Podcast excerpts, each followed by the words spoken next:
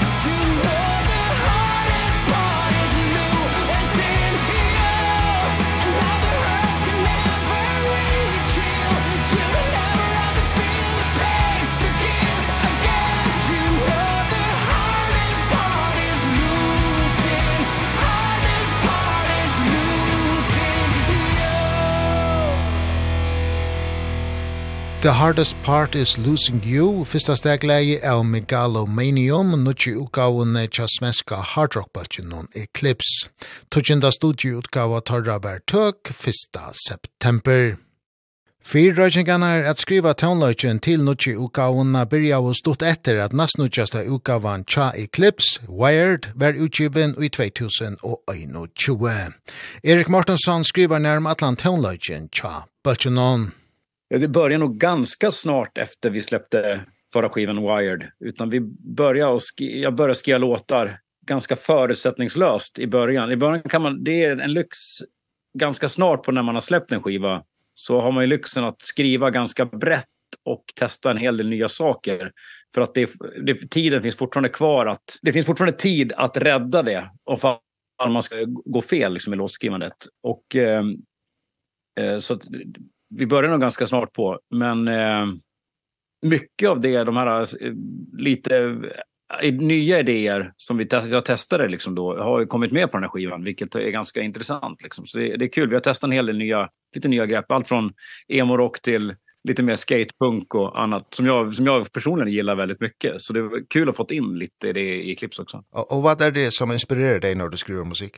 Men det är ju det är musik jag lyssnar på eller någonting jag hör eller liksom bara man man behöver inte stjäla eller man blir inspirerad med, blir att det är som en när man hör någonting annorlunda eller någonting att det där var väldigt bra så tar man det är inte liksom man tar inte musiken eller eh, melodierna av det utan man det skapar en gnista som skapar inspiration som tar en man får man får en ny tanke som man inte liksom hade som man inte hade tänkt tidigare. Och det är det som är det mest spännande att man testar någonting som ja men just att man får en liten snilleblixt som slår till och så kommer man så bara, ja men så här kan man ju också göra. Det har jag aldrig testat förut.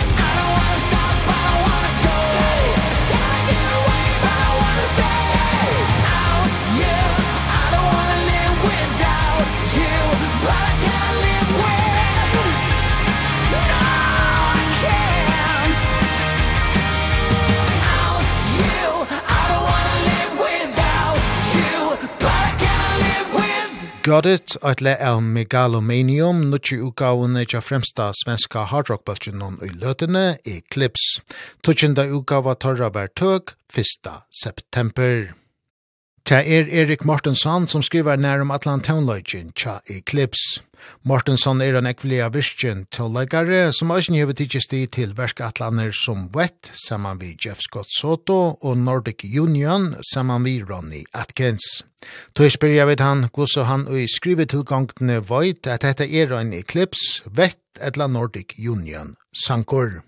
Jag skriver när när jag skriver Nordic Union eller Wett då skriver jag då är jag fokuserad på att göra just det Så ja, det, man måste också men ställa in sig på vad det är man, man måste ha ett sikte i alla fall. Men men sen såklart händer det att när vi skriver Eclipse-låtar så kommer en låt som känns väldigt wet och då då lämnar bara lägger den åt sidan för det här kan vi nog använda där och så där eller vice versa. Ibland kommer det när jag skriver wet så kommer en låt som låter ja det här låter så himla mycket Eclipse så den behåller vi till det. Men oftast så skriver jag en det blir en sak i taget. Ja. Och det ser ut som att du har lätt vid att skriva musik men men jag förväntar att det är ett hårt arbete som som allt annat. Ja, självklart det tar mycket tid. Det är många ibland kan man skriva, sätter man sig ner och gör två bra låtar på en dag och ibland så sitter man i tre veckor och kommer inte på någonting. Man blir med åren så blir man ju bättre på att tvinga fram kreativitet och inspiration på något att man kan man kan liksom man man man måste skapa liksom att man att man gör det som ett arbete. Nu ska jag skapa. Men det är, fort, det är fortfarande ett mysterium ibland hur det, hur det funkar. Ibland bara kommer, det bara rinner ur en. Då kan man skriva jättemycket bra en vecka eller två veckor när man skriver nästan stora delar av allting som är på en skiva. Och sen kan man ha däremellan, kan man ha långa perioder när man inte kommer på någonting. Och det, jag tror man måste vara, om man har möjlighet och tid, att man tar när det här kreativa flödet kommer, att man är närvarande och och plocka upp det då också så att man inte så att man inte bara gör allt annat då tänker man då måste man fånga det i den stunden. Men det är inte alltid så lätt att göra det. Nej.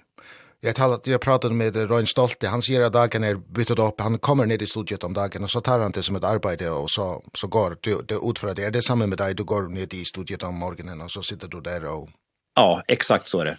Det är precis så det är. Det är man det är det är som ett kontorsarbete Plus att man jobbar nätter också. Dagtid och nättertid. Nej, men det är så är det. Man måste man kan inte jag brukar säga man kan, det är inte så att jag tänder tänder ett ljus, levande ljus och häller upp ett glas rödvin och väntar på att det ska komma någon gudomlig inspiration liksom, utan det är det inte utan det är liksom ett arbete att skriva utan man måste göra det.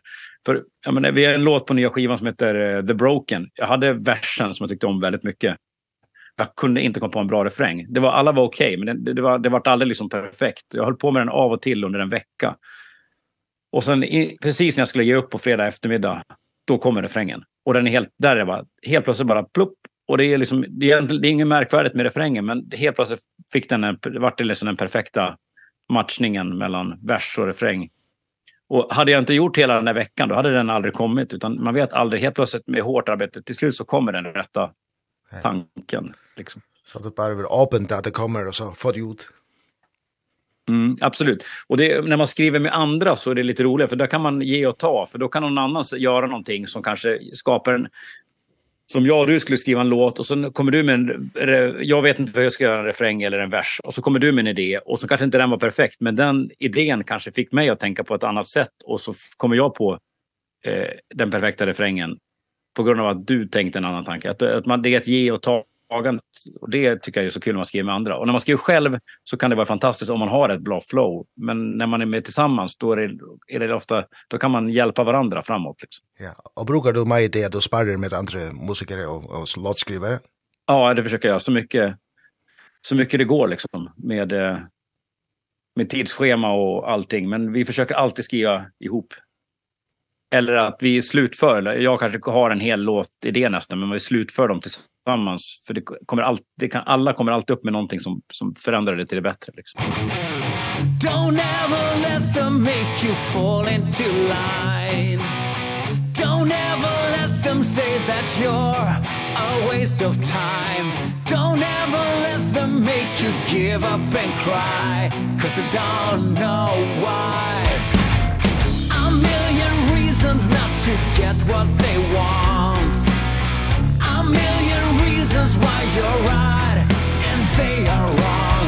A million reasons not to give up the fight Cause they don't know why.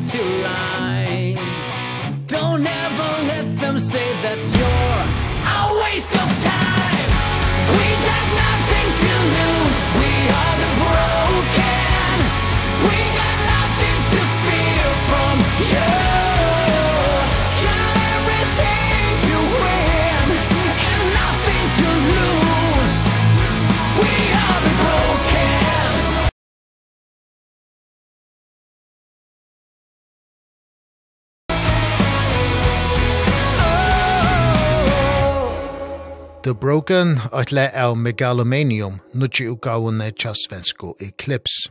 Tutsjenda utgava torra var tøk 1. september. Vi tar så i kveld vi Erik Mortensson, åtta mannen ui just Eclipse. Og så kommer vi til teksterne på på albumet. Er det et tema eller et, et koncept? Nej, inte alls.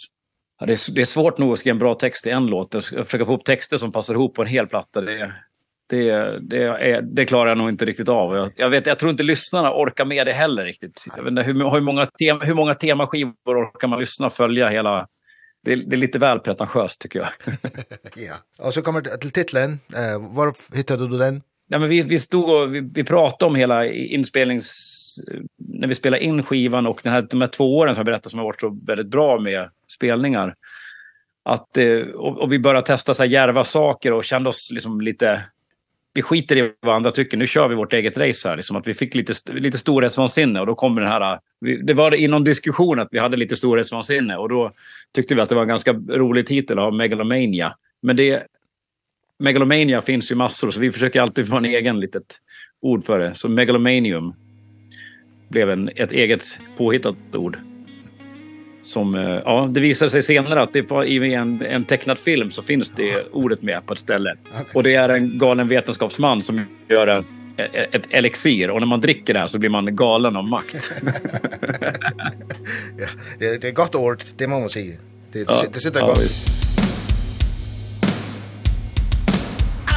hear drums,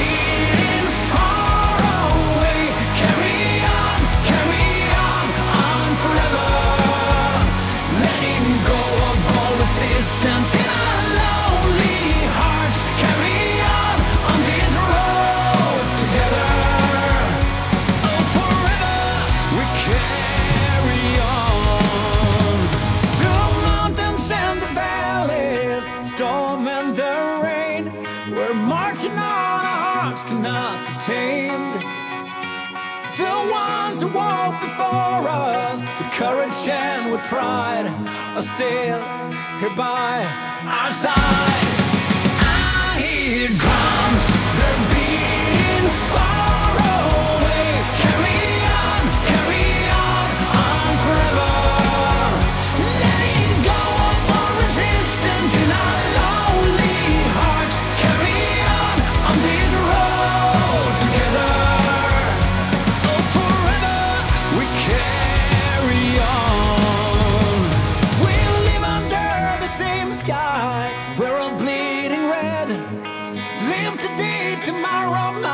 dead Is this the final warning? This the final end? It's time we take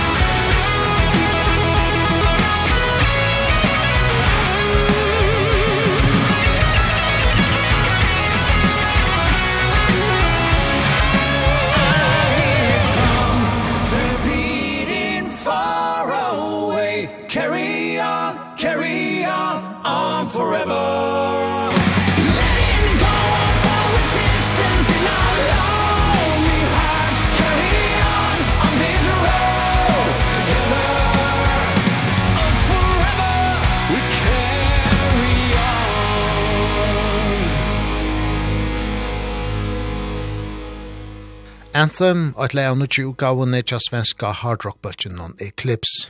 Megalomanium, som er tutsjenta utgava torra, vertøk 1. september. Det er Erik Mortensson som teker seg av til mesta i Eclipse. Omfremt av skriva største parten av toneløsjonen stendra han øsne fire framløsjene, mixing og mastering. Men sjálfur heldur Mortensson ikkje at det er nega trobeløytje at han hever en finkur vi i nærum ötlån. Og det er deg som, som uh, leder hele innspillingen og mixingen og masteringen og... Um, er det svært at, at ha den rolle, eller, du, eller faller du naturligt inn i det, at du styrer det hele? Det är väl rätt naturligt eftersom jag har gjort det. Jag har ju mixat och masterat och spelat in alla Eclipse-skivor faktiskt från starten. I början på grund av att vi hade ju inga pengar, vi var ett litet band och ingen budget så att jag fick lära skulle det bli någonting så fick jag göra det själva liksom. Och um, men tack det lät ju så gamla plattor lät ju inte så bra och det var inte de bästa produktionerna och producerandet men samtidigt så lärde jag ju mig att göra hantverket som gör att jag jag lever ju på att mixa och mastra skivor nu för tiden. Det är svårt att göra alla ha alla roller för det är tungt ansvar från att ha ansvaret från första tanken alltså den första idén till det första riffet som ska skrivas inför en skiva hela vägen tills den ligger fram tills omslag och allting är klart liksom. Det är det är en väldigt väldigt lång väg. Ja. Och du har inte haft tanken om att få en annan producer in för måske att uh, förändra lite på lite och, och uttrycket. Ja, det har vi har pratat om det.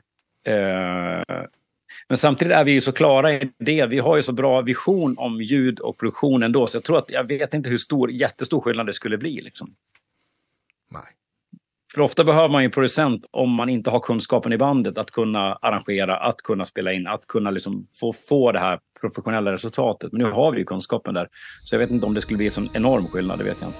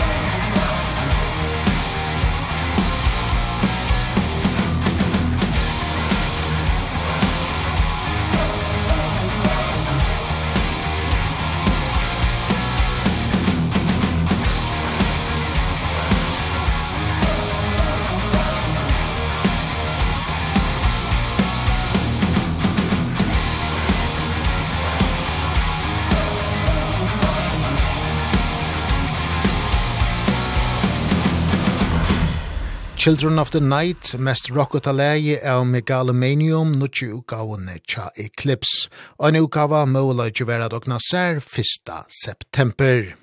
Og en så flest atlar undanfarne utgavonar tja Eclipse, fer hentan tutsjunda utgavan Gaus Gosmal fra Umalarnon. Middelen anna vær Megalomanium valda vera beste utgavan i september av tonlagatøyarytnon Sweden Rock Magazine. Ta vi spyrja Erik Mortensson om hver uppskriften er at tetjast om alarnon er svärde, anfallt. Ja, det är jättekul. Det är speciellt det är i början när man släpper det är ju bara vi och närmaste familj som hör någonting. Och eh, så man vet ju faktiskt aldrig om om vad folk kommer tycka om en skiva. Så är det, det är lika nervöst att släppa en skiva nu som det var för 10 år sedan liksom. Det är liksom eh, alltid och för varje år så i början så får man en liten så här då då tycker är folk glada för att man gör bra grejer men nu har vi nu förvänt alla förväntar sig att det ska vara skitbra. Så är det inte skitbra då blir folk besvikna så det det det hårdnar på det folk är, är mera hänsynslösa i sin kritik men ändå så lyckas vi fortfarande få väldigt goda recensioner. Och så det gör måske att i medlemmarna är måske de hårdaste kritikerna för alla för att få det så gott som det är. Ja, självklart, självklart jag menar vi släpper inte fram en skiva som inte blir bra då drar vi om inte vi är nöjda med resultatet då drar vi handbromsen ja. och ser till att det blir bra. Det är ju väldigt viktigt. Jag har sagt det förr men när man var ung och köpte skivor och och och det var man hade hört någon låt som man tyckte jäkligt bra och sen köpte man en skiva så var det liksom två låtar som var bra resten var tråkiga liksom. Det var så här album fillers liksom. Och jag, jag har verkligen lovat att jag ska aldrig göra, jag ska jobba mitt yttersta att det aldrig blir så att man verkligen varje låt ska förtjäna sin plats på skivan. Att det är väldigt, väldigt viktigt. För även om folk lyssnar singlar eller låtar på Spotify och det är de som blir singlar som är, får ju spelningar liksom. Men det ska, för de fansen som lyssnar hela skivan som köper den ska kunna sätta på den från början till slut. Utan, ja men de kommer inte älska alla låtar så är det liksom. Och alla låtar är ju inte den bästa låten. Men det ska, den, den sämsta låten ska ändå vara bra. Og har de mange låter når de spiller inn, eller er det de låterne som kommer på albumet, eller er det flere filler, filler som, som ikke kommer med på, på albumet? Det, ja, men det finns alltid låtar som inte kommer med.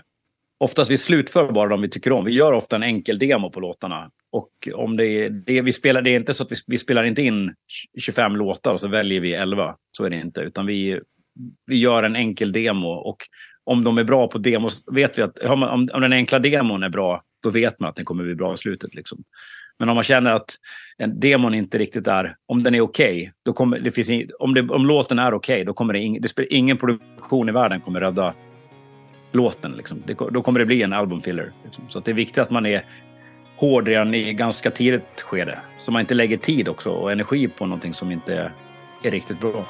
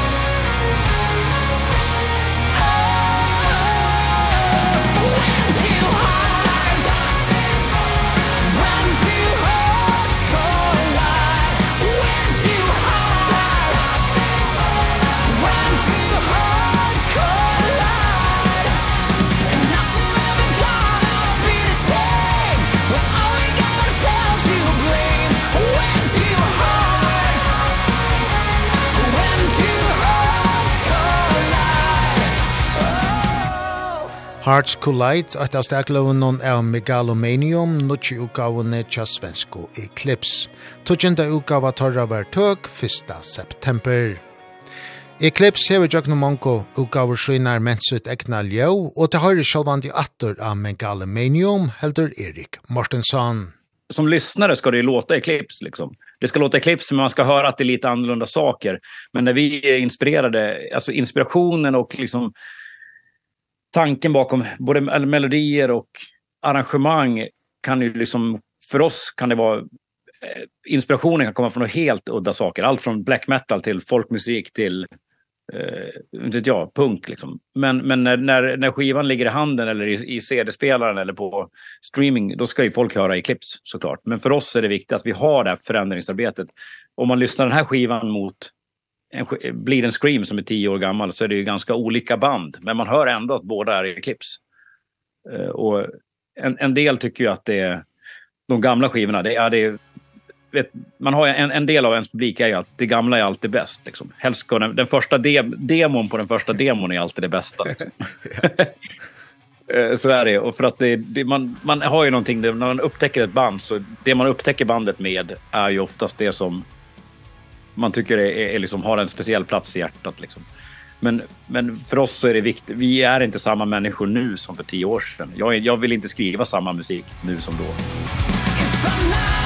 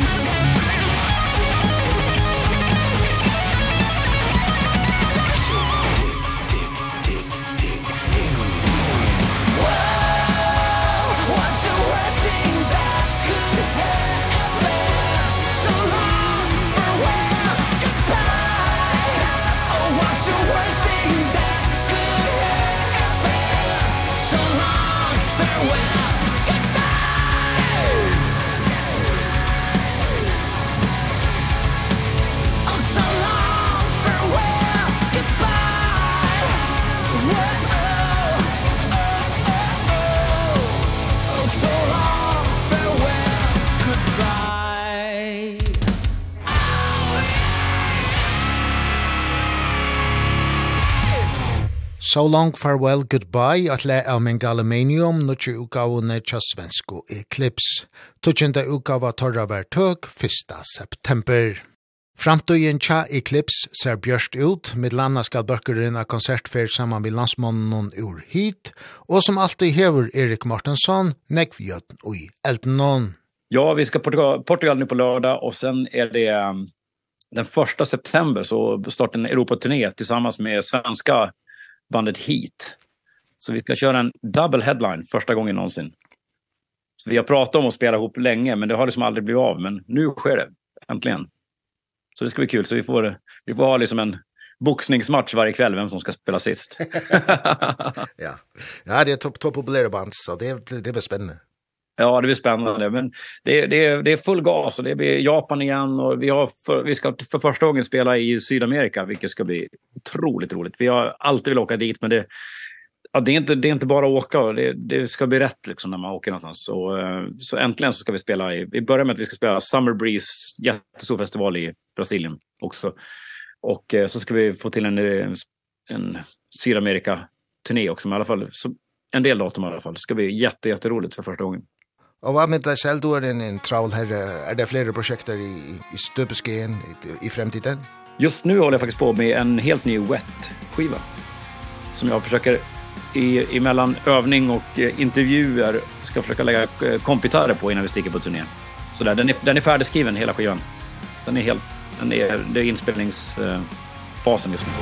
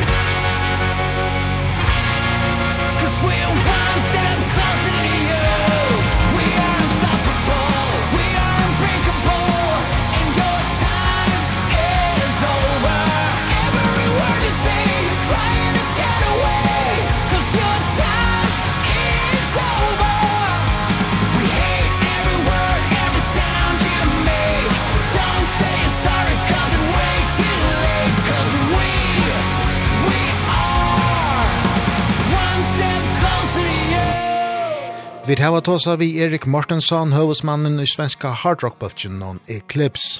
Vi prata vi om nutje uka av torra, men galumenium, som øveløgje vera dokna ser 1. september. Vi spalte òsne fleste løyen i avise tutsjindi utgavene tja Eclipse, og nu til seinast hørte vi One Step Closer to You.